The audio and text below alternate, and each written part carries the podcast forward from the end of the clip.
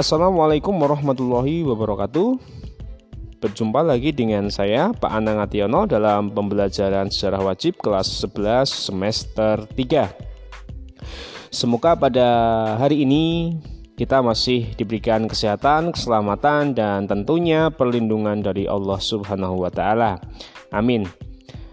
Dan saya harap pembelajaran hari ini kita bisa mengilhami dan mencari makna dalam setiap peristiwa sehingga nantinya kita mendapatkan hikmah yang bermanfaat bagi kehidupan kita baik di masa sekarang maupun masa yang akan datang. Baiklah, pada pertemuan hari ini atau pada podcast ini saya akan melanjutkan materi berkaitan dengan perlawanan terhadap kolonialisme dan imperialisme di Indonesia, terutama sebelum lahirnya kesadaran nasional atau sebelum tahun 1900-an. Materi ini adalah kelanjutan dari materi-materi kita sebelumnya. Kita ulang sedikit bahwa materi-materi kita yang sudah dikuasai antara lain masuknya bangsa barat ke Nusantara, kemudian dampak dan praktik kolonialisme baik pada masa kongsi dagang Portugis, kongsi dagang VOC, berlanjut ke masa Dendles, kemudian masa Raffles, masa politik uh, kultur stelsel atau politik tanam paksa, Kemudian yang dua minggu lalu sudah kita bahas juga ada politik pintu terbuka dan juga politik etis.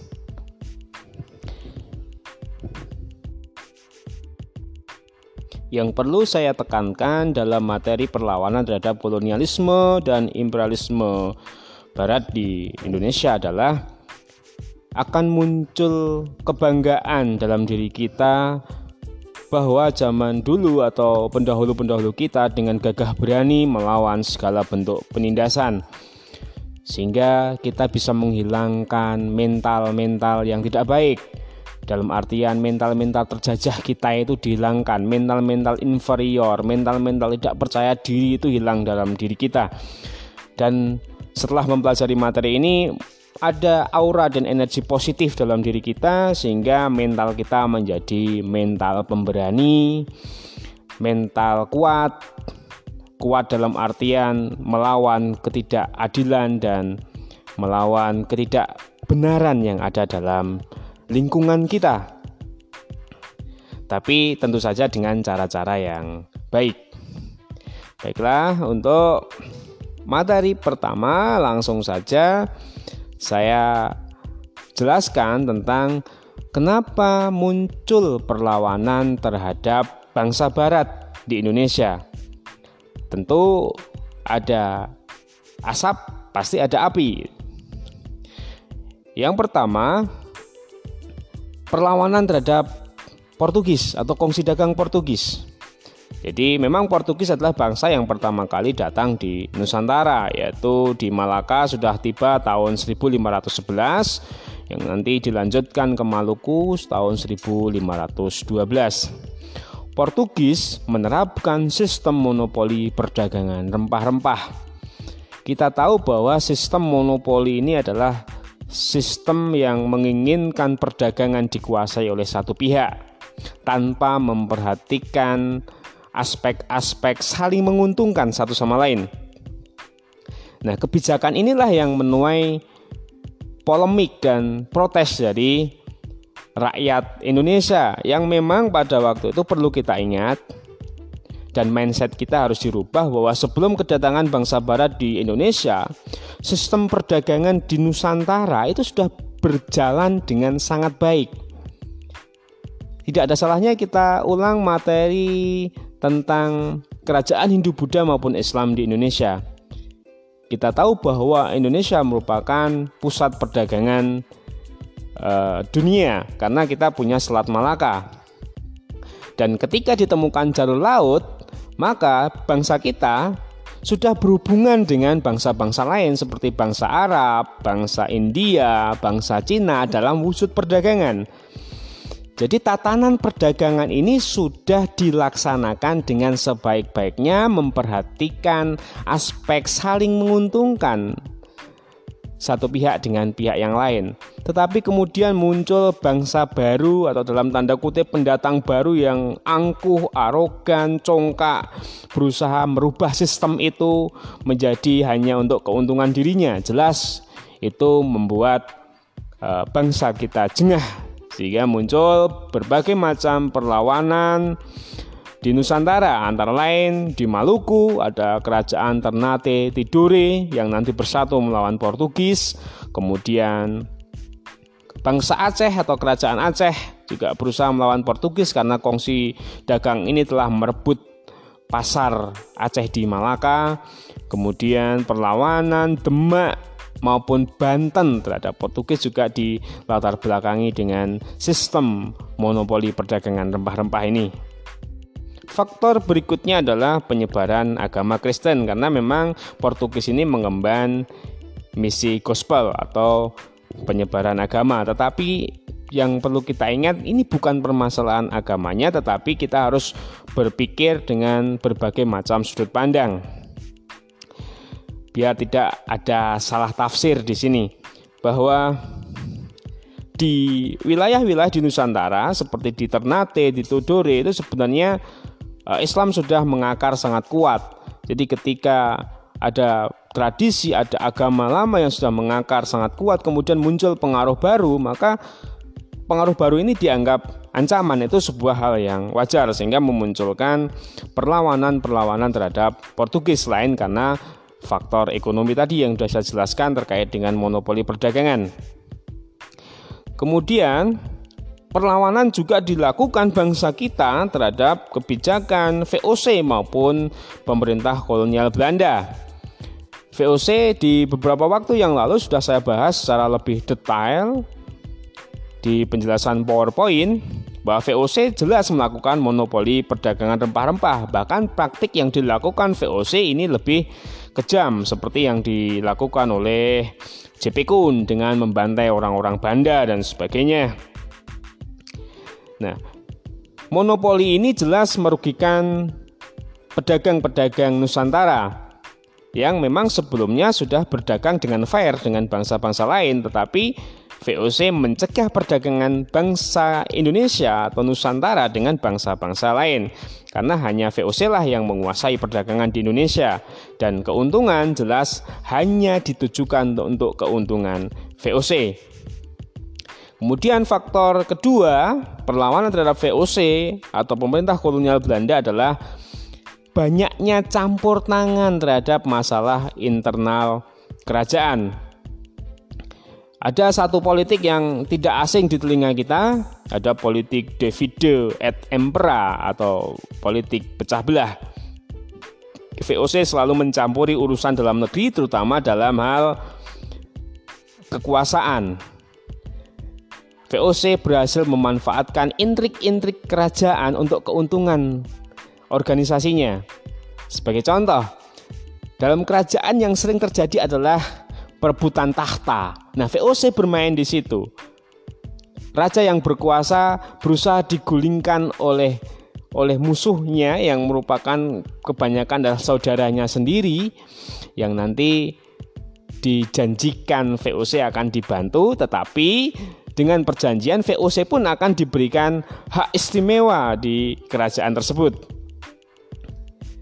Dan biasanya raja-raja pilihan VOC ini mendapatkan dukungan militer dan finansial VOC yang sangat besar.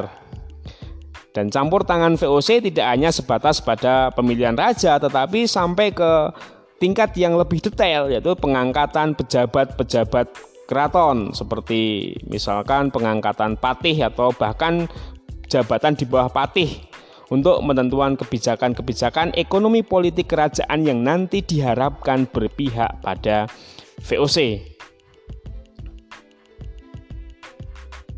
Faktor ketiga adalah ekspansi wilayah demi melancarkan kebijakan pintu terbuka opo, uh, open door sorry uh, open door politik seperti yang dua minggu lalu sudah saya jelaskan. Kebijakan politik pintu terbuka yang diterapkan sejak tahun 1870 menyebabkan Belanda gencar melakukan ekspansi ke wilayah-wilayah kerajaan yang sebelumnya merdeka agar wilayah itu menjadi komoditi yang bisa disewakan Belanda kepada pengusaha-pengusaha asing dan jelas keuntungan sewa nanti akan lari pada pemerintah kolonial Belanda. Faktor keempat adalah arogansi Belanda terhadap kerajaan pribumi. Jadi ya ini perlu saya jelaskan agak agak panjang bahwa dalam sistem sosial politik di kerajaan-kerajaan Nusantara itu sangat feodalistik sekali. Nah, apa pengertian feodalisme? Feodalisme adalah sistem sosial politik yang di situ dikuasai oleh para bangsawan dan mengagung-agungkan jabatan, pangkat, bukan prestasi kerja, tapi jabatan pangkat berdasarkan keturunan. Nah, dengan sistem sosial politik feodalisme ini, bangsawan maupun raja memiliki hak privilege atau hak, -hak istimewa Nah, Belanda berusaha untuk menghilangkan hak-hak istimewa raja. Dalam artian bukan menghilangkan secara secara total tidak, tetapi berusaha menyamakan hak-hak itu dengan dengan Belanda. Misalkan hal yang paling sederhana. Dalam adat unggah-ungguh atau tata krama kerajaan bahwa bawahan raja jika menghadap raja sudah dari jauh harus harus jongkok menyembah. Nah, sedangkan Belanda tidak mau melaksanakan hal-hal seperti itu. Belanda posisinya sama dengan raja-raja pribumi, jadi memiliki kedudukan yang setara. Bahkan Belanda pun tetap mempertahankan sistem itu. Rakyat pribumi pun ketika bertemu Belanda ya harus melakukan hal yang sama, yaitu jongkok, menyembah, hormat, begitu. Jadi itulah yang menyebabkan uh, para bangsawan maupun raja-raja pribumi tidak cocok dengan Belanda. Hal ini yang menyebabkan misalkan ada perlawanan di Ponegoro Walaupun sebenarnya perlawanan di Ponegoro ini nanti kita akan bahas di satu sesi khusus tentang perlawanan di Ponegoro bukan sebatas pada di Ponegoro yang tidak puas dengan adat istiadat kerajaan yang berusaha dicampuri oleh Belanda tetapi lebih dari itu di Ponegoro merasa prihatin karena Belanda sudah sangat luar biasa menyiksa baik melalui sistem maupun melalui siksaan-siksaan fisik terhadap penduduk-penduduk pribumi siksaan sistem misalkan dengan pajak-pajak yang sangat mencekik rakyat biasa. Kemudian faktor yang kelima adalah adanya praktik diskriminasi terhadap penduduk pribumi.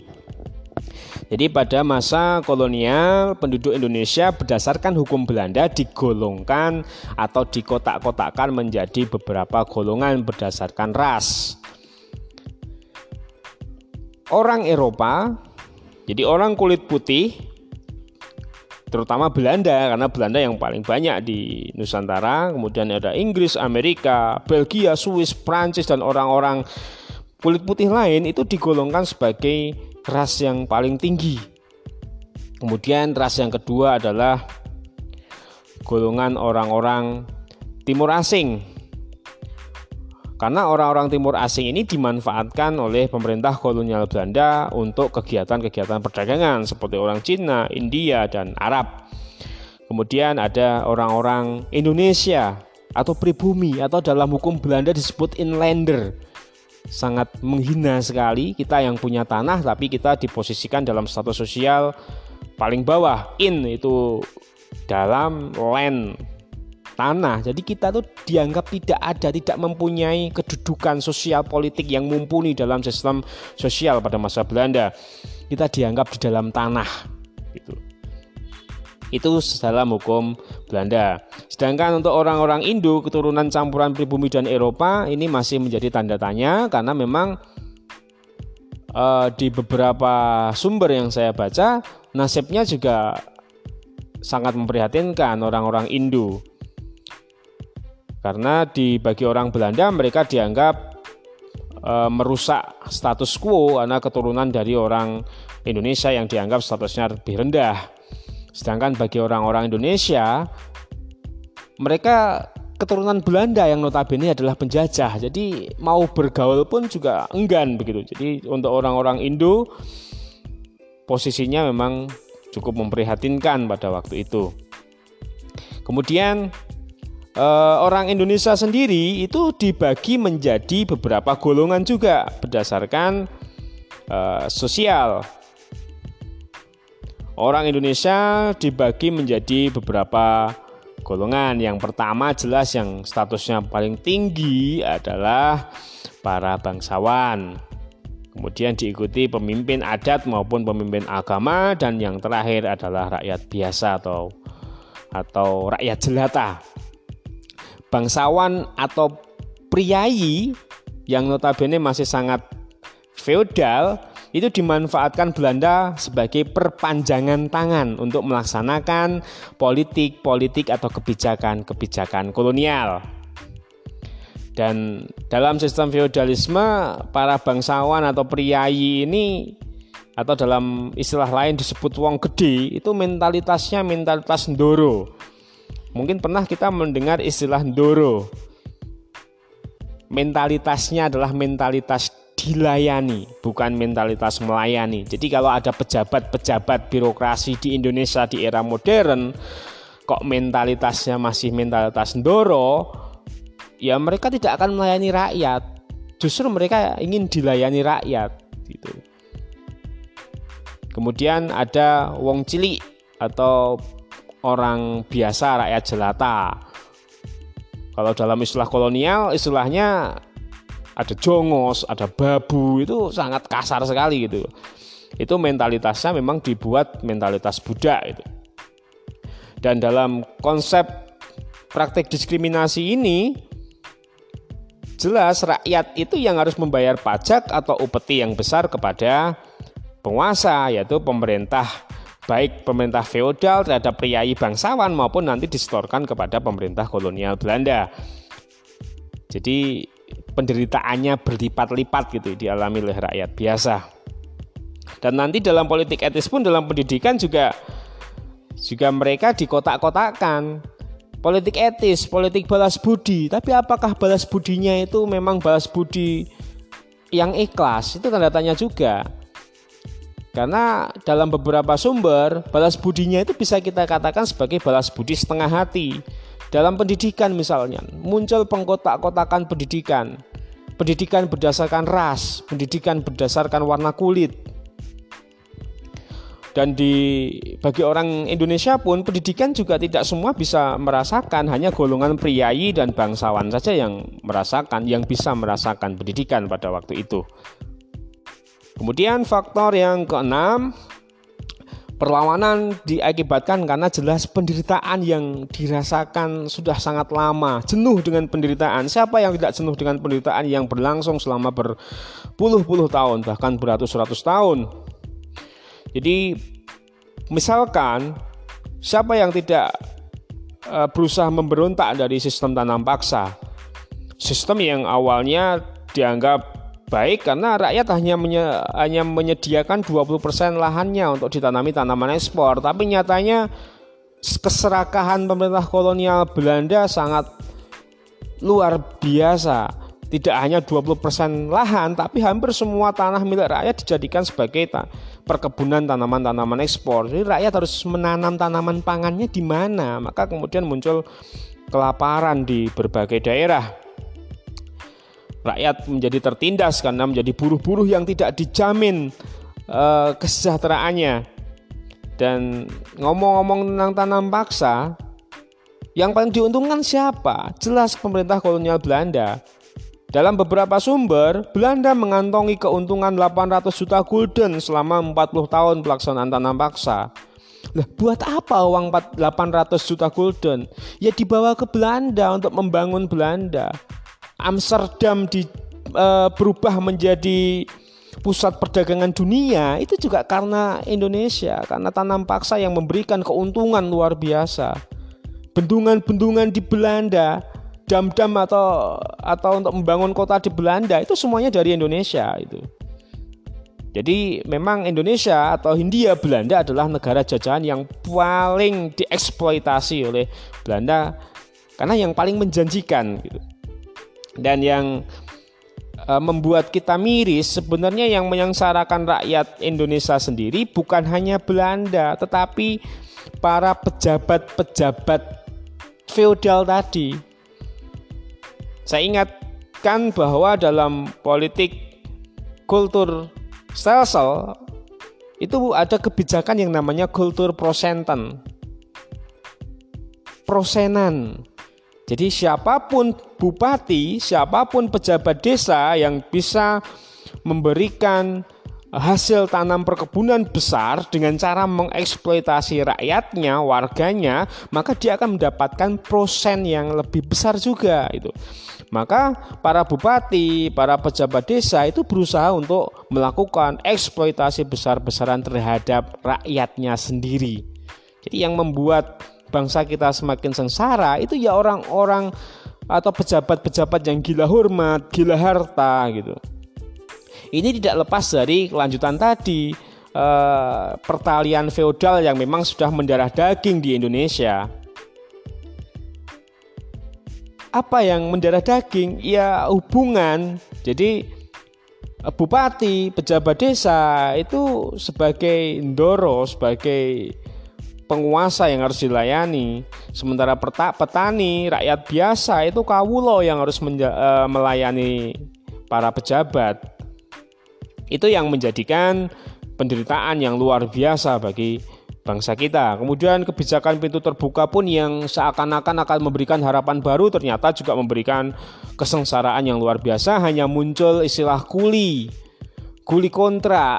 Bahkan orang Indonesia seperti podcast dua minggu lalu sudah saya jelaskan orang Jawa dipindah ke Suriname hanya sebagai kuli, sebagai pekerja kasar. Orang Indonesia banyak dipindah, eh, orang Jawa banyak dipindahkan ke Sumatera hanya untuk Eh, pegawai-pegawai atau maaf kuli-kuli perkebunan yang tidak jelas nasibnya gitu. Kemudian materi berikutnya eh, bagaimana dengan sifat perlawanan terhadap kolonialisme sebelum lahirnya kesadaran nasional. Ini yang patut kita perhatikan adalah kita jangan menyalahkan kenapa perlawanan pada waktu itu hanya itu-itu saja. Tapi kita patut bangga bahwa mereka berani melawan. Dan memang pada waktu itu melawannya juga bisanya baru seperti itu. Jadi daripada diam, lebih baik mereka mengangkat senjata semampunya untuk berusaha mengusir penjajah. Jadi jangan harap uh, uh, apa namanya atau kita jangan berpikiran bahwa mereka mati konyol lah dan sebagainya tapi mereka sudah berani mengorbankan jiwa raga untuk lepas dari penjajahan sebisa yang yang yang yang yang bisa mereka lakukan begitu. Jadi kalau kita membahas tentang ciri-ciri perlawanan, yang pertama adalah bersifat lokal karena memang pada waktu itu Nusantara masih didominasi oleh kerajaan-kerajaan lokal yang kedudukannya masih merdeka begitu. Dan belum ada kata pemersatu yaitu kata Indonesia. Jadi perlu kalian ingat bahwa kata Indonesia sendiri sebenarnya baru dikenal tahun 1850-an atau abad ke-19. Sekilas saja bahwa menurut sejarawan Universitas Oxford eh, bahwa Indonesia itu diperkenalkan oleh James Richardson Logan pada tahun 1850. Uh, eh, istilah ini pernah ditulis dalam Journal of Indian Archipelago and Eastern Asia. Logan adalah orang Skotlandia, editor majalah Penang Gazette yang menyebut kepulauan Hindia atau dalam uh, istilah pada waktu itu disebut Hindia Belanda sebagai Indonesia atau Indonesia. Baru dikenal pada waktu itu. Yang nanti secara lebih masif diperkenalkan sejak uh, Sumpah Pemuda 28 Oktober 1928. Jadi perlawanannya masih bersifat lokal dan kedaerahan ya wajar karena belum ada identitas yang diperjuangkan, belum ada kata Indonesia secara menyeluruh yang ingin diperjuangkan. Jadi Aceh berjuang sendiri di Aceh, Jawa berjuang sendiri di Jawa, Sumatera Barat berjuang sendiri, Kalimantan Selatan berjuang sendiri karena kerajaan-kerajaannya memang merdeka di daerah-daerah tersebut dan mereka pun memperjuangannya untuk untuk apa? Ya untuk kemerdekaan kerajaan mereka masing-masing. Jadi masih bersifat kedaerahan karena belum ada identitas jati diri nasional, kata Indonesia belum belum dikenalkan secara masif di di Nusantara. Kemudian yang kedua bergantung pada pemimpin yang karismatik. Jadi inilah hambatan bisa dikatakan hambatan karena apa? Karena belum ada yang namanya regenerasi. Kalau dalam organisasi itu pasti ada regenerasi. Satu pemimpin ditangkap, ada wakilnya. Wakilnya ditangkap, masih ada wakilnya lagi. Tapi kalau dalam sistem perlawanan sebelum abad ke-20 yaitu sebelum munculnya organisasi-organisasi pergerakan nasional, perlawanan masih didominasi oleh tokoh-tokoh karismatik. Jadi ketika tokohnya ditangkap, seperti Belanda akhirnya berpikir bahwa untuk memadamkan sebuah perlawanan di Indonesia, tangkap saja pemimpinnya. Ibaratnya menangkap ular, tangkap kepalanya gitu. Jadi ketika pemimpinnya ditangkap dengan berbagai macam cara tipe muslihat, maka perlawanan akan berakhir dengan sendirinya karena tidak ada atau kehilangan arah tidak ada orang yang atau pemimpin yang mengarahkan perlawanan selanjutnya. Contoh, perang di Ponorogo berakhir karena apa? Karena kelicikan Belanda untuk mengajak berunding di Ponorogo yang akhirnya ditangkap dan diasingkan eh, uh, ke Makassar. Imam Bonjol ya ditangkap. Perlawanan berakhir atau atau masih lanjut? Masih lanjut, tetapi kan tidak ada perlawanan-perlawanan besar berikutnya karena sudah kehilangan arah. Ibaratnya seperti ayam sudah kehilangan induknya, berpencar sudah tidak ada uh, perlawanan yang masif dan jelas itu. Kemudian perlawanan masih bersifat fisik dan mengandalkan kekuatan senjata. Ya baru itu yang bisa dilakukan. Jadi kita jangan terus wah perlawanan kok gitu-gitu aja Wong sudah tahu bahwa kita kalah senjata kok masih tetap angkat senjata jangan berpikir begitu bahwa memang perlawanan pada waktu itu baru bisa itu yang mereka lakukan dengan senjata-senjata tradisional seperti bambu runcing, kelewang, pedang, keris dan sebagainya mereka berani untuk maju mempertaruhkan jiwa raga mereka. Jadi kita justru harus bangga dengan hal-hal seperti ini. Mereka saja dengan uh, alat-alat dengan senjata yang sederhana. Mereka tahu bahwa dalam pertempuran itu hanya ada dua pilihan hidup atau mati, tapi mereka tetap berani untuk maju ke depan melawan ketidakadilan. Kita harus bangga dengan itu. Bahkan perang Jawa adalah perang yang sangat besar bahkan Belanda pun mencapai kerugian yang luar biasa dan kas negara kosong itu kebanggaan yang luar biasa bahwa perlawanan walaupun dengan kondisi seadanya tapi kita bisa uh, melawan dengan penuh keheroikan. Kemudian sayangnya ini memang kelemahan bagi kita. Bahwa bangsa Indonesia itu bangsa yang mudah dipecah belah Makanya kalau kita belajar tentang siasat Belanda dari zaman SD, SMP, SMA bahkan nanti kuliah, istilah divide et impera itu masih selalu ada dan selalu kita dengar karena itu yang paling efektif untuk melemahkan perjuangan rakyat. Belanda berusaha untuk mengiming-imingi harta, tahta atau kekuasaan agar apa? Perlawanan itu terpecah karena itu mentalitas. Jadi mentalitas gampang dicekoi oleh harta, gampang disuap. Itu menjadi kelemahan bagi kita itu. Jadi kalau kita analisis di kehidupan modern pun banyak pejabat-pejabat kita yang tidak mementingkan rakyat hanya mementingkan perutnya sendiri, banyak menerima suap, korupsi dan sebagainya sehingga apa? Program mereka yang dijanjikan untuk memperhatikan rakyat itu menjadi uh, hal yang sama sekali bukan prioritas gitu.